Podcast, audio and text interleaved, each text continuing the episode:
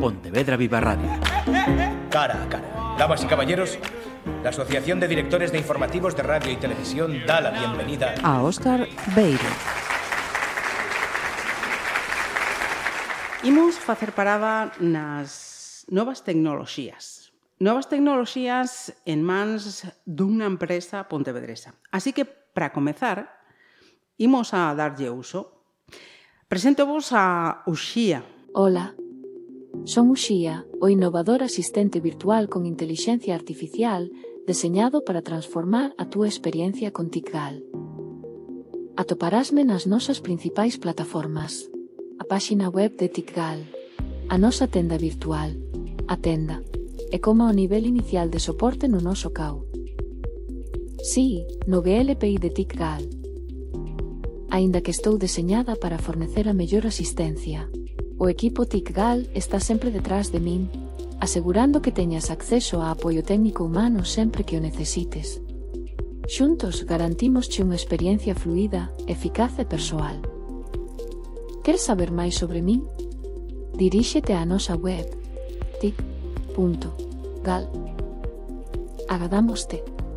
E voulle preguntar polo convidado. Quen é Óscar Beiro Uxía. Según me está a decir Uxía, Óscar Beiro é o fundador e director de TICGAL. TICGAL é unha empresa especializada en solucións de tecnoloxía da información con enfoque na experiencia de GLPI. Óscar Beiro, engade, tamén é un apaixonado defensor de TICGAL. Así que Benvido, Óscar. Gracias. Como é isto de que outros falen de ti? Pois eh, faise raro, non teño moita experiencia, a verdade. Uxía presentase como asistente virtual, unha ferramenta que moitas persoas coñecen por, por ter nomes propios eh, populares. Pero neste caso, eh, cal é a súa diferencia?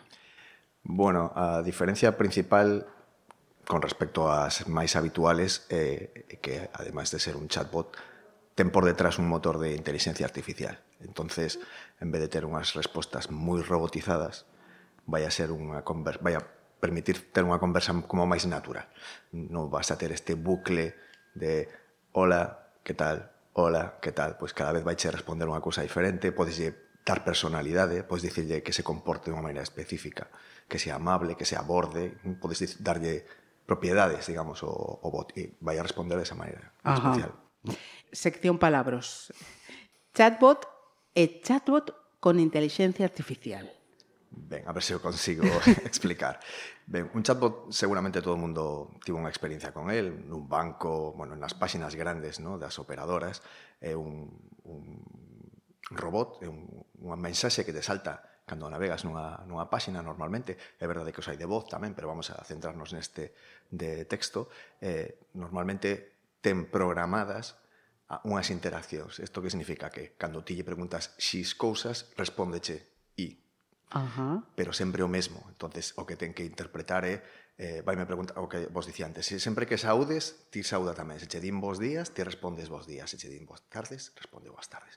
E sempre vai a comportarse da mesma maneira eh, a diferencia o, o, o revolucionario, entre comillas, que tenga inteligencia artificial, é que incluso educando para que diga isto, pasando por este filtro de inteligencia artificial con unha personalidade específica, vai poder, eh, ainda que responda internamente voz día, vai poder ser máis, eh, máis faladeiro, Ajá. Por exemplo, pode, vai poder decir, bo día, que tal estás? Según o que lle digas. Se dices que sea moi formal, pois eh, como está vostede? E se dices, no, trata a xente de maneira máis informal. Ei, como estás? Vai, podes, podes comportar desa maneira sin que ti teñas que programar especificamente cando digas A, ah, respóndeme B. E aí é onde está, eu creo que, a vantaxe.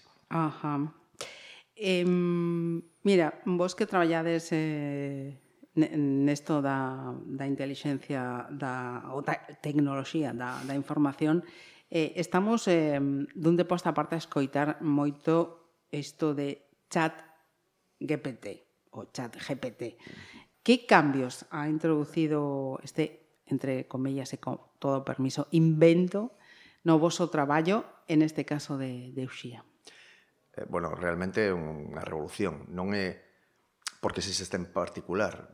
Tampouco son un especialista, non me gustaría que quedara como un especialista, simplemente somos uns usuarios avanzados desta, desta tecnoloxía. Eh, sí que hai anos que hai eh, inteligencia artificial, pero que pasou que esta empresa, uh -huh. que ten un ano, non olvidemos, ten un ano de vida que acaba de cumplir hai un mes, se non me equivoco, eh, está revolucionando todo, porque bueno, eu, eu son dependente actualmente de ChatGPT, fago as traduccións en ChatGPT, os contidos en ChatGPT, eh, as investigacións todas as fago con el. De feito, eh, eh, a imaxe do Xía está xerada en ChatGPT. Oh. Eu ah. dixenlle, dixenlle o que quería, e, e foi no modelando, foi no correxindo e foi mo creando. Dicir, é unha eh, ChatGPT o que ten é que é unha, unha mm, unha ferramenta que facilitou o acceso, democratizou o acceso á inteligencia artificial. Hai montóns de modelos, montóns de ferramentas, pero actualmente casi todas as que vexas que teñen por diante inteligencia artificial, por detrás vai estar van a estar ChatGPT. No todas, pero moitísimas sí que o teñen. Uh -huh. eh, imos con Uxía. Eh, canto tempo traballando na, na súa creación, Óscar? dous meses, eh, que é un, un bebé. é un bebé, sí, sí, sí, sí, é un bebé. Uh -huh. eh, empezaría, empezamos en outubro. Ajá, e esta operativa... Eh, terá tres semanas. Eh, por qué? Por que o nome? Hai unha intención? Uxía, sí, sí. Eh, bueno, isto é como, casi como un parto, como poñerlle un nome a, un, a unha filla, non? Eh, queres facer algo significativo, porque hai un montón de, de robots, e, eh, para, para min en particular quería que tivera unha significación. entonces bueno, pues este brainstorming de escribir nomes, por suposto queríamos que fora en galego, no, no noso propio nome está, está a nosa terra, eh, entonces empecé a escribir aí nomes en, en galego e a ver como podías un pouco enlazalos, que teñan un doble significado, que un pouco eh, o que se estila. Eh, é unha palabra curta, eh, está formada como de dous elementos, un que UX, o X, que, que en inglés é UX, que é User Experience, que a experiencia do usuario é unha rama da informática que, que eh, está empeñada en que o que todos pensamos que é moi complicado, pois pues en facelo simple. Decir, uh -huh. hai, os programadores normalmente fan ferramentas que funcionan moi ben, pero que ninguén sabe utilizar. Entón, hai un, un sector de profesionais moi importante que seguramente sea descoñecido para o gran público, que o que falle é que mm, este botón non debería estar aquí arriba, ou debería ser máis grande, ou esta letra non se ve moi ben. Eso Eso é unha profesión, unha profesión moi demandada. Vale? Uh -huh. Entón, por un lado está UX e por outro lado está IA, que é inteligencia artificial. Entón, parece que encaixaba perfectamente. Uh -huh. Xa era o nome en galego, tiña, melloraba a experiencia de usuario, tiña inteligencia artificial por detrás, eu creo que era un nome perfecto. Foi un caso, unha casualidade. Porque, amais, eh, uxía resposta en inglés, en español e en galego. Sí, porque esa é unha cousa que, que se cara máis que de comentar antes. Eh, a inteligencia artificial tamén nos permite isto, esta democratización, ou acceder a traduccións en tempo real. Realmente, esta é unha opinión personal porque non teño tantos coñecementos, pero eu creo que todo a inteligencia artificial traballa en inglés e logo fai a traducción, pero como fai de unha área tan rápida, ti ainda que escribas algo en galego, creo que o traduce en inglés, executa e logo volve a coller a información e devolve xa no idioma que ti lle digas. Eh, de feito, a ferramenta que utilizamos nós, non sei se soporta 40 idiomas, unha cousa así, pero as, as primeiras interaccións que tes co chat tería que detectar en que idioma estás falando e a veces podería haber falsos positivos e a experiencia do usuario sería mala. No? Se ti dis bo día, eh, igual podían, bueno, non, non, non sei se, con, se coincide un bon día, bueno, podía confundirse con catalán, podía confundirse con portugués, vale, depende mm. como escribas, podía haber en de, determinados saudos poderían ter un, un conflicto, empezar a responderche nun idioma que non é o que ti queres. Entonces nos por eso poñemos eh, estos tres idiomas cando empezas a falar co, co, con, ela. con ela para darlle esa pista, é dicir, ti vasme a contestar neste idioma. Eh, Bueno, basicamente eh, é iso, é acotalo. Ah, e ademais porque nos, cando remata a conversa, decir, se, se o asistente é capaz de contestarche e ti quedas satisfeito, perfecto. Pero se non, nos temos unha ferramenta detrás que o GLPI que comentamos antes, que ti se, se das información, realmente no, o que nos vai a pasar é toda esta información da conversa e vai a pasar de, ao que chamamos un axente, de unha persoa, eh, que sería un dos meus compañeiros ou eu mesmo, que seguiríamos a conversa dicindo, vale, pues eh, creo que necesitas, eu teño, necesito información sobre outro uxía, quero un uxía para min, por exemplo, sería unha pregunta perfectamente válida, pues, eh, uxía contestaría hasta onde chega, coa información que ten, e despois diría, bueno, pois pues agora te paso con, con, con, con compañero. Con con quen sexa, vale. Imos falar logo de mm, GLPI, porque estábamos a falar antes de abrir micros, sí. e non todos sa, sabedes aínda o que, o que es. ChatGPT, entonces, eh, elexiu tamén a voz, os rasgos eh, físicos que, que vemos... Bueno, eh, sí, os, os, uh, os rasgos físicos sí, no, non nos elixiu de, dibuxounos, Ajá. xerounos. Sí, sí, sí, sí. Nos, nos. É unha, sí. Vale, nos, eh, de feito estaba vendo aí un rato toda a evolución porque parece que todo moi simple, pero eu, leva leva, no, porque desde ti tes na, te, na túa cabeza unha idea, pero tes que transmitila. Pensade, por exemplo, na, nas películas que anda fa un retrato robot e dices, ah, que como se parece a, o, o asesino, pero claro, ti como lle explicas a unha persoa? tiñan sollos grandes, tiñan pequenos, non se parecen nada, a boca grande, a boca pequena, pois pues isto é un pouco o mesmo. Ti que o que queres? Pois pues queres unha muller, queres un home, queres que sea nova, que seas que sea bella, que teña unha idade, que teña unhas cores, uns rasgos específicos. Todo eso eh, houve que darlle e ir pulindo. Logo, uh -huh. para, para darlle voz, eh, utilizamos outra ferramenta diferente, Eh, pero bueno, realmente o da voz é un vídeo promocional, vale? Non, uh -huh. é, non é unha é, é unha pena, eso sí unha cousa que me queda un pouco de pena que en cada idioma ten unha voz diferente. Vale? Ah, Porque non, sí. mira, es que oye entón un so, vale, cando falei con ela. Eh, muller, por que? Eh, bueno, por, por dous motivos fundamentalmente porque non somos todos homes na, na empresa é, é unha, unha cousa que me, que me doe pero que te, en tecnoloxía hai moi poucas mulleres isto é o tema de STEM no? que, non, que non hai non hai mulleres eso por unha banda eu creo que para, para o sector que nos diriximos que nos iba a ir eh, mellor no? como uh -huh. é o sector tecnolóxico todos son homes pois pues eu creo que va a ser máis atractivo unha muller. Muller Que axuda proporciona ou vai proporcionar eh, Uxía porque polo de agora está a aprender Está a aprender, efectivamente. Uh, o, o, o, igual que fai chat, chat GPT, mm, ti podes darlle, permitirlle que, que fale de todo, que responda con todo o coñecemento do universo, digamos, con todo o que pode buscar, pero no noso caso a noso non nos parece interesante porque tipo ter a xente aí uh -huh. eh, tecleando e non esquezamos que isto é unha ferramenta isto vale diñeiro cada interacción ten un prezo vale entonces tío que queres é que responda o antes posible amablemente pero que responda antes posible, no que te poñas aí a preguntarlle se o partido de, do Pontevedra o, no, o que tempo vai a facer mañán, que poderíamos facelo, pero claro, sí. non quero pagar eso. Efectivamente. vale, entón, sí, o que sí. queremos é que nos cubra un traballo específico que un nivel cero que echamos nos en tecnoloxía, ¿no? que antes de, de contactar con un usuario, con un técnico real, con un agente real, as primeiras preguntas que son as máis repetitivas, as máis tediosas, como por exemplo que é el vale? que é a primeira vez que o mellor vou contar nun, nunha, nunha grabación, pero pero que en xeral é unha cosa que contesto continuamente. A diario. Más que GLPI, que eso sí que está más explicado, pues funcionalidades específicas, desenvolvementos que temos, repito 100 veces o mesmo. Entonces, se hai alguén que o responde antes que a mí, fantástico. Logo, se non queda claro, eu dou as explicacións uh -huh. que fagan falta, pero sempre o mesmo. Ese é un traballo que é pouco tedioso. É un traballo dun robot, uh -huh. un traballo repetitivo. Pois pues, neste caso non vai para Uxía, senón para Óscar. A pregunta número 101 do día.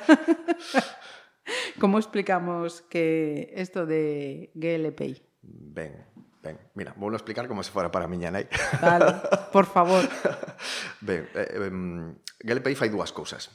Eh, un service desk, un centro de atención ao usuario e unha ferramenta de inventario informático. Entón, que son estas dúas cousas? Eh, para a ferramenta para o centro de atención ao usuario, cada vez que calquera de nós chamamos ao noso operador de telefonía, o noso seguro, ou mm, a calquera destas eh, servizos telefónicos que ahora son todos, ¿no? os bancos, mm. -hmm. etcétera, que estamos todos cheos de falar con máquinas. Sí, ¿eh? pues certo. eso. Bueno, pues eh, Ese, ese é un centro de atención ao usuario. entonces é un lugar onde ti registras as peticións, queixas, incidentes que ten un usuario, asignaslas a un técnico, a un axente que as xestione, e deixas documentado pois desde a que hora se creou, de que tipo era, se foi resolta ou non foi resolta, se tivo que pasar se o primeiro nivel ou o nivel 0, como che comentei antes, o, o, o robot non foi capaz, ahora un axente, nivel 1. O nivel 1 non foi capaz, nivel 2. Vamos a decir que te quedaste sin teléfono, sin línea de teléfono. Unha mm, cosa moi... Ou oh, queres cambiar a tu, tu SIM, vale? Pois pues entonces vas co robot. O robot diche, eh, tens que facer así. Diz, no, quero falar con un humano nivel 1. O nivel 1, chamate por teléfono ou que sea, dice, tens que facer isto, isto, isto eh, fas o cambio de tarxeta Ajá. e non te funciona. Entonces, uh, eu xa non sei desto, paso a outro nivel, nivel 2, pois pues, pásalo a un técnico especializado onde mirara, oye, por que esa tarxeta en particular non funciona?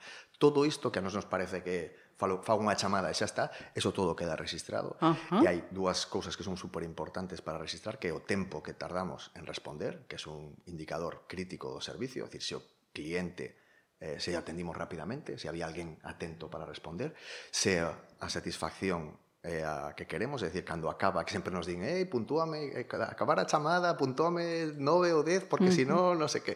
Eh, porque esos son todo indicadores que hai alguén, moitas persoas, vendo todo todo un día, toda unha semana, todo un mes, como vai ese servicio, porque a mayor ese servicio está externalizado, ou, bueno, por Ajá, serie de motivos. Estado.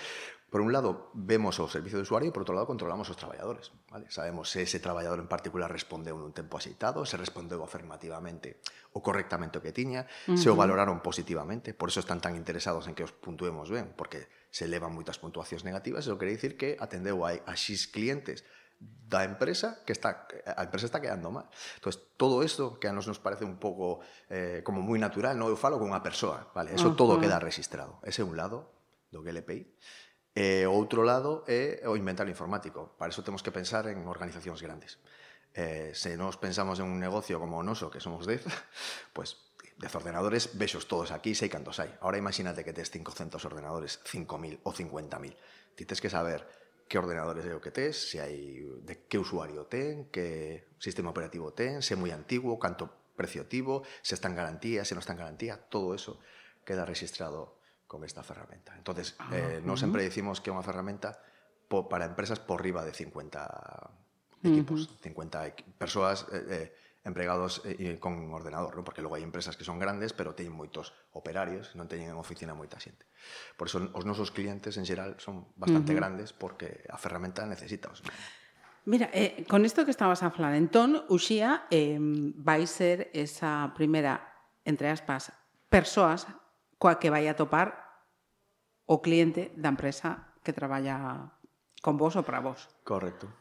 Ajá, ajá, entonces sí. nós o que queremos é alimentala con esa base de coñecemento, no? que a información que xeramos sobre os nosos servicios, que non está en, en Google, vale? uh -huh. está solo cousas que facemos nós, entonces en vez de preguntarnos a nós sempre o mesmo, que é un traballo que, como digo, tedioso, pois pues leerá documentos que xeramos nós e terá a primeira resposta. Se con eso queda satisfeito, perfecto. Queda registrado no noso CAU, eh, e resolto, digamos que ese tanto anota uxía. Uh -huh. Unha cousa que vamos a medir. Se uxía non é capaz de responder, pasará ao nivel 1. E eh, alguén, unha persoa terá que respondelo. E nós tenemos que ver. Por que non respondeu? A documentación é insuficiente, está mal adestrada ou xía, temos que tuneala. Uh -huh. Vale, pois pues eso co tempo é como iremos uh -huh. vendo e mellorando. E, e canto tempo pode tardar en decir que o xía este perfectamente ah, adestrada nunca. para... Nunca? bueno, perfectamente adestrada, sí, sí. para que sea útil para nosotros, sí, non sea útil. Ajá. Non sabes, estamos recibindo eh, preguntas de todo tipo de, bueno, de, de todo todo mundo. Xa escoitaches no. que fixen. Non as estou vendo activamente porque pero porque ahora estamos recibindo bastantes visitas, pero sí que Ajá. sí que quedan registrados e cando teñamos un rato, espero que ahora despois do, do 25, esa semana que un pouco máis tranquila, empezaremos a analizar eh, uh -huh. e intentar mellorala. A diferencia entón eh, deste chatbot con inteligencia artificial sería a lingua entón respecto doutras. A forma de expresarse e o adestramento. Uh -huh. Son as dúas cousas, vale? Adestramento e linguaxe. Claro, porque a experiencia de usuario é mellor, porque falan a túa lingua, na uh -huh. que ti elixes, non é robotizada, aínda que, según me comentaches ti antes, mm. sí que ahora mismo había algunhas, algunhas respostas que, que as daba igual, eso é algo que analizaremos e diremos mm -hmm. por que entra en este bucle, vamos a mellorar eso. Eh, vale. Eh, por outro lado, que nos vamos a poder engadir a información a medida que teñamos un, nosotros vamos a crear un producto. Con ese producto vamos a engadir esa información. Por eso poño no, no artigo que en algún momento vas a poder preguntarlle a ela por si sí mesmo eh, canto, vai, canto custa ter un uxíar para mí, ¿no? por exemplo. Eu quero que, que dé ela ah, esa ah. resposta. De maneira que se ti dis, eh, por ese prezo quero unha, xa cando me chegues a min, Eu xa sei que polo menos tes o interés, se ti dis, ui, é carísimo, pois pues, xa non me vas a molestar. é unha cosa moi egoísta. eh, mira, xa que dis eso, eh, eh, teño intención de preguntar por pola vosa eh, empresa. É accesible ou non ter unha ferramenta destas para unha empresa? É accesible? Económicamente? Sí, eu, bueno, eu penso que sí. Ajá. Tens que ter unha necesidade. Isto é como cando como a xente que se monta tendas online pensando que van a vender solas. Sí. Eso non funciona no. así, eso non funciona así. Eh? Nos hai que hai que poñer poñer máis máis ingredientes, que eso o, o tempo. Necesitas un, un tamaño, necesitas uh -huh. unha entidade para que te compense. De feito, nos claro. nos levamos un ano intentando facelo, o que pasa que non atopamos a ferramenta hasta hai pouco. Temos un cliente que é un proveedor de Mercadona eh, que nos dixo, eh, teño chat GPT e quero que me poñas andar isto con, un, con un chatbot. E digo, bueno, pero que claro, ahora hai noticias todos os días, pero, pero hai seis meses, había, cada hora tiñas unha noticia nova, salía un, unha revolución, algo. Sí. Ahora parece que creo que se estabilizou un pouco e xa perdemos a capacidade, ou polo menos perdemos a capacidade de sorprendernos.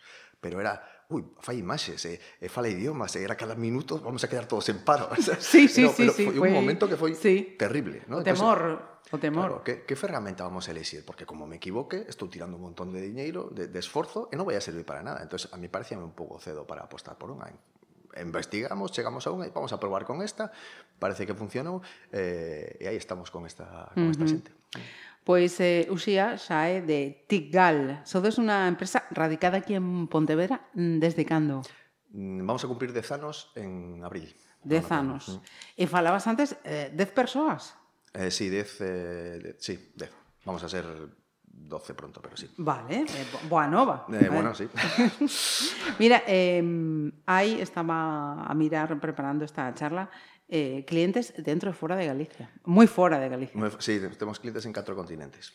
Toma. Sí, sí, temos desde Papúa Nova Guinea, que que temos máis lonxe, que realmente se ves no mapa é casi as antípodas, está moi, moi, moi, moi perto de Nova Zelanda. Eh, temos en América, en, África, temos en Angola un cliente moi importante para nós e logo en Europa, pues, eh, distintos sitios, en Alemania, en Polonia, en Eslovaquia, bueno, en varios sitios. E logo aquí temos en Cataluña un montón. En Galicia temos poucos, moi, moi, moi poucos. Oh. Eh, estamos empezando. Estamos. Hoxe estaba falando con un grupo lácteo moi famoso. Ajá. Xa temos un, creo que, que vamos a ter os, do, os dous que os dous máis grandes, pues vamos a ver se se conseguimos pechalos, pero ben, pero ben. aquí, pero en Galicia a verdade é que temos moi moi pouca cousa. Uh -huh.